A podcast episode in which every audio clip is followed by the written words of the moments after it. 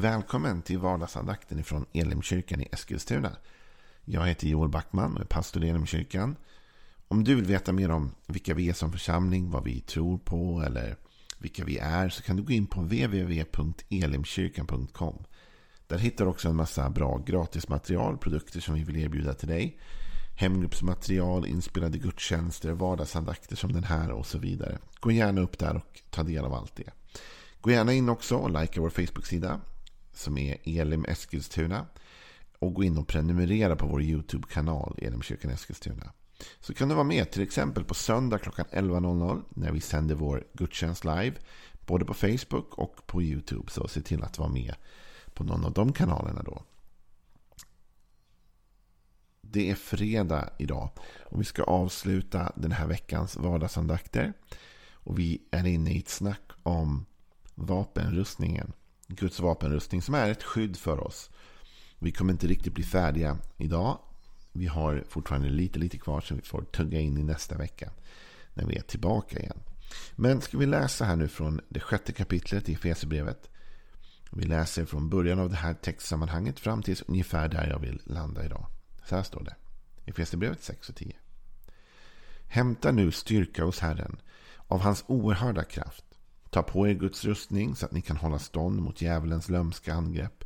Ty det är inte mot varelser av kött och blod vi har att kämpa, utan mot härskarna, mot makterna, mot herrarna över denna mörkrets värld, mot ondskans andkrafter i himlarymderna. Ta därför på er Guds rustning så att ni kan göra motstånd på den onda dagen och stå upprätt efter att ha fullgjort allt. Stå alltså fasta, spänn på er sanningen som bälte, klä er i rättfärdighetens pansar. Sätt som skor på era fötter villigheten att gå ut med budskapet om fred. Håll ständigt trons sköld framför er. Med den ska ni få den ondes alla brinnande pilar att slockna. Och grip frälsningens hjälm. Så kan man egentligen fortsätta. Nu bryter jag mitt i här. Men, och grip frälsningens hjälm. Idag så kommer vi in på hjälmen. Huvudbodnaden. Det som skyddar huvudet. Um, och jag tänker att det finns mycket att säga om detta. Det finns ju mycket att säga om huvudet överhuvudtaget. Va? Det finns mycket att säga om hur viktigt det är som beskyddas där. Det är därför vi har cykelhjälmen på oss när vi är ute och cyklar. Och det är för att vi vet vad ett slag mot huvudet kan göra. Min fru har bland annat jobbat på, på liksom med neuro, på neuroavdelning på sjukhus. Och hon vet väldigt mycket om vad det kan göra att få ett slag mot huvudet. Och vi har pratat om det liksom och så. Så jag förstår att det här är dels allvarligt va. Om du skadar huvudet, det är då du kan få några av de värsta skadorna. Huvudet styr ju. Du har ju hela nervsystemets signal, liksom, center där uppe va. Så att det är väldigt, väldigt allvarligt att inte få en huvudskada. Men inte bara det, utan också om du tänker nu dig i en strid eller i en kamp. Så är det mentala oerhört viktigt. Jag gillar att lyssna på podcasts av olika slag. Och, eh, ganska nyligen så lyssnade jag på en podcast med, med eh, bland annat Mike Tyson var där. Den gamla fighten ni vet. Han ska göra comeback nu när han är typ 50 plus. Eh, och då eh, pratade de om liksom att komma i form fysiskt. Men så började de prata om det mentala. Och att det mentala är typ liksom minst lika viktigt om inte viktigare. Att man har rätt mentala inställning. och Att om man börjar tveka, tvivla här uppe i huvudet. Det är då som man liksom, då tappar man det. Va? Man kan inte vinna. Du kan vara i fysisk form men tappa huvudet och så kan du ändå inte liksom vinna. Och du vet väl själv, precis som jag, hur i vardagen liksom det här påverkar oss. Jag menar, om du vaknar en dag och du har haft en konstig dröm som bara satt sig i huvudet så kan den störa din rytm den dagen. Eller om det finns någonting som du går och tänker på. Du har ett problem, en utmaning, någonting som oroar dig. Vad det nu kan vara. Något som har tagit sig in i ditt huvud. Så gör det att du kommer göra allt annat den dagen sämre. På något sätt så kommer du liksom tappa fokus. va och folk kommer till och med märka det. Kanske säga, är du liksom, mår du bra? Du verkar lite disträ idag. Eller du verkar liksom lite tankspridd. Eller... Och det finns ju vissa tillfällen i livet man inte har råd att vara tankspridd. Man har inte råd att vara tankspridd ute på ett stridsfält. Och när Bibeln då använder den här liknelsen att det här är en kamp alltså på liv och död på ett sätt. Det är mot, mot ljuset mot mörkret. Så är det viktigt att vi inte tappar vårt huvud. Liksom. Det är viktigt att vi inte tappar vår tanke. Att vi inte låter djävulen komma in i vårt huvud. För där gör han nästan mer skada. På ett sätt är det bättre att hans pilar träffar vår kropp än att de träffar vårt huvud. För när de kommer in i liksom vår tanke va? och vi börjar tänka, tvivla, tveka, oroa oss, allt det där, så tappar vi fokus, vi tappar tro, vi tappar energi. Och vi blir ett lätt liksom, offer på något sätt. Det är ju intressant va? att när, Gud, när, när djävulen frestar Adam och Eva i begynnelsen. Liksom, så är den här ormen, det står inte att han biter dem, han hoppar inte på dem, han är inte fysiskt på dem. Men han tar sig in i deras huvud. Va? Han tar sig in i Evas huvud med frågan, liksom, har Gud verkligen sagt? Och så börjar hon tveka, tvivla, oroa sig. Wow, helt plötsligt så är allting påverkat. Så vad ska vi göra då? Vi ska gripa frälsningens hjälm. Vi ska inte åka hemifrån utan cykelhjälmen på oss. Och vår cykelhjälm i vårt andliga liv, det är frälsningens hjälm. Frälsningens hjälm griper vi om vår tanke. Och det är den som vi behöver liksom verkligen landa i. Och vad, då tänker man så här, vad, men vad, vad betyder det att ha frälsningens hjälm? Jag tänkte jag skulle läsa med dig ett bibelord från första Thessalonikerbrevet 5 och eh, vers 8. Men vi som tillhör dagen ska vara nyktra och iföra oss trons och kärlekens rustning och ha hoppet om frälsning som hjälm.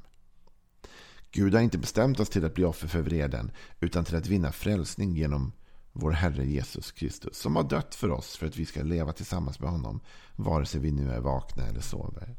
Därför ska ni trösta och bygga upp varandra så som ni nu också gör. Så vi ska ha hoppet om frälsningen som hjälm. Jag började fundera lite grann på vad betyder det? Du vet, det är många fina fraser i Bibeln och vad, vad betyder alla? Liksom, och, och en av de saker jag gör när jag funderar på sådana saker och tänker över ett bibelord, mediterar över det. Det är att jag alltid försöker hitta andra bibelöversättningar. För att ibland när man läser en annan bibelöversättning så, så kan det klarna. Liksom bara, eller man får en ny infallsvinkel. Och då läste jag första Thessalonikerbrevet 5 och 8 i Amplified Bible. Och eh, som är en, en, engelsk översättning, en förstärkt översättning kan man säga av Bibeln. Och eh, då står det så här eh, i, i första Thessalonikerbrevet 5.8. But since we, believers, belong to the day, let us be sober, having put on the breastplate of faith and love, and as a helmet, the hope and confident assurance of salvation. Här slutklämmens så oerhört bra va? The hope and confident assurance of salvation hoppet och vår försäkran. Eller liksom vår tillförsikt på vår frälsning. Vår övertygelse. Confident assurance. När man är confidently assured över något. Då är man liksom fullständigt övertygad om någonting. Tryggt övertygad, lugnt övertygad, säkert övertygad. Det finns inget som kan tveka med detta. Jag är liksom helt, jag har ett förtroende för detta. Va? Jag vet att det är så. Och vad är det jag vet då? Jag vet att jag är frälst. Så det vi sätter på oss hoppet och the confident assurance of salvation. Alltså med andra ord, jag är, tar på mig en mentalitet av övertygelse om min frälsning. Och det här är superviktigt. Därför om vi gör det, då är det ett sånt skydd för vårt liv. Därför det är alltid så att djävulen vill komma in i vårt liv och in i vårt huvud. Och vad är det han har att spela med? Vad är det han har att liksom försöka, försöka använda? Jo, han försöker alltid använda detta. Att få oss att tveka och tro på att vi verkligen är frälsta. Det finns alltid någonting där han kommer och säger, men du, om du verkligen vore frälst, då skulle du inte bete dig sådär. Alltså om du verkligen trodde på Gud. Eller jag vet att du liksom, ja Jesus förlät dig, men tänk hur du levde igår. Han har inte förlåtit dig på riktigt va? Egentligen, kom igen. Nu har du fallit för mycket, nu har du tabbat dig igen, nu har du misslyckats igen. Du blir aldrig någon ordning på dig.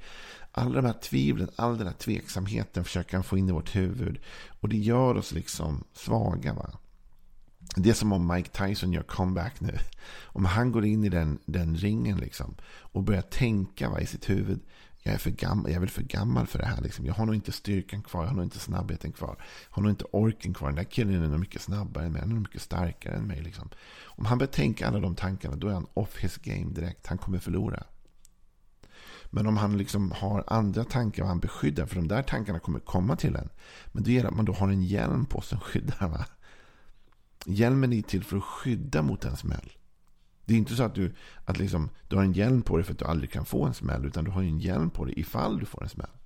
Du har ju cykelhjälmen på dig ifall du ramlar och slår huvudet i marken. Då är hjälmen till för att skydda. Va? Och när vi tar på oss den här övertygelsen om vår frälsning. När vi tar på oss det här förtroendet för frälsningsverket va, i vårt liv. Då tar vi på oss ett skydd mot de smällarna som kommer. Så när vi misslyckas, och smällen kan ju vara att vi misslyckas. Smällen kan vara att vi gör något otroligt dumt som vi aldrig trodde vi skulle göra. Vi är riktigt missade. Vi gör någonting som vi verkligen känner. Det här var fel. Jag har syndat mot Gud. Jag har syndat mot människor. Jag har verkligen tabbat mig. Då kommer den smällen mot vårt huvud. Va? Och, och djävulen vill ta det tillfället att få dig och mig att helt snubbla ur. Men vad gör vi då? Ja, då bestämmer vi oss för att vi har en övertygelse och ett förtroende för vårt frälsningsverk. Det verk som Jesus har gjort i oss. Vi har den övertygelsen att han betalade priset för mig även för detta. Jag behöver aldrig gå tillbaka och fundera. Jag är frälst. Jag är förlåten. Jag har, liksom, allt detta är gjort. Priset är betalt. Jesus sa det är fullbordat. Så jag tänker inte låta den här smällen. Den gör ont. den känns. Eh, och det är väl bra för det leder mig till någon sorts omvändelse kanske då. Men jag tänker inte låta den krypa innanför skinnet på mig. Jag tänker inte låta detta fastna. Jag hörde en väldigt bra beskrivning av hur djävulen verkar när han vill försöka få oss på fall. Då. Det var en predikant som sa, jag tyckte det var så bra. Han sa, det är typiskt djävulen, sa han. Om du har liksom slutat röka eller vad som helst. Jag säger inte att det är, nu är någon übersynd, jag bara tar det som ett exempel. Då. Om du har slutat röka och du vill det och sen så helt plötsligt så en dag så ger du efter liksom. Du tar en cigarett. Då är djävulen där direkt och säger, ah, nu har du tagit en, nu kan du lika gärna röka upp hela paketet. Alltså det är liksom det där att hela tiden då förvärra, fördubbla, driva oss in ännu längre. Va? Men nej, nej, utan även om jag skulle ha råkat ta en av de där som jag inte skulle så kan jag sen bara pausa och säga okej, okay, men lyssna. Det var en miss va. Men jag behöver inte fortsätta göra fel. Och jag är frälst. Jesus har förlåtit mig. Och jag måste till och med ha det förtroendet att jag vet detta. Även om jag skulle röka upp hela paketet har han förlåtit mig i alla fall. Så jag behöver inte göra det. Jag behöver inte testa den gränsen. Jag är förlåten. Jag har frälsningens hjälm på mitt huvud. Jag har övertygat mitt sinne om. Jag har en confident assurance vad det gäller min frälsning. Jag är fullt och fast övertygad om att jag är frälst.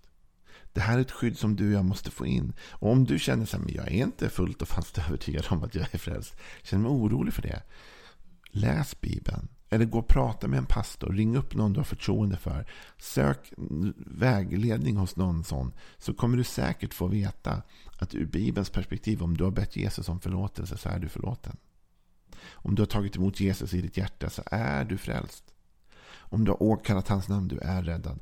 Du behöver inte gå och oroa dig för det. Du behöver inte leva med fruktan. Du behöver inte leva med oro. Utan ta på dig frälsningens hjälm. Och jag lovar dig, liksom, om du har trons sköld framför dig och du har frälsningens hjälm på ditt huvud så kommer djävulen inte få tillträde till ditt inre liv. Men du måste se till att ha hjälmen på dig. Du vet, det behövs inte så mycket. Det behövs bara att du tar ut på cykeln en dag utan hjälmen på. Krockar och så är det liksom permanenta skador. Du och jag, vi behöver vakna varje dag. Påminna oss själva om att vi är frälsta. Påminna oss själva att tacka Gud varje dag. Säga tack Gud att du har frälst mig.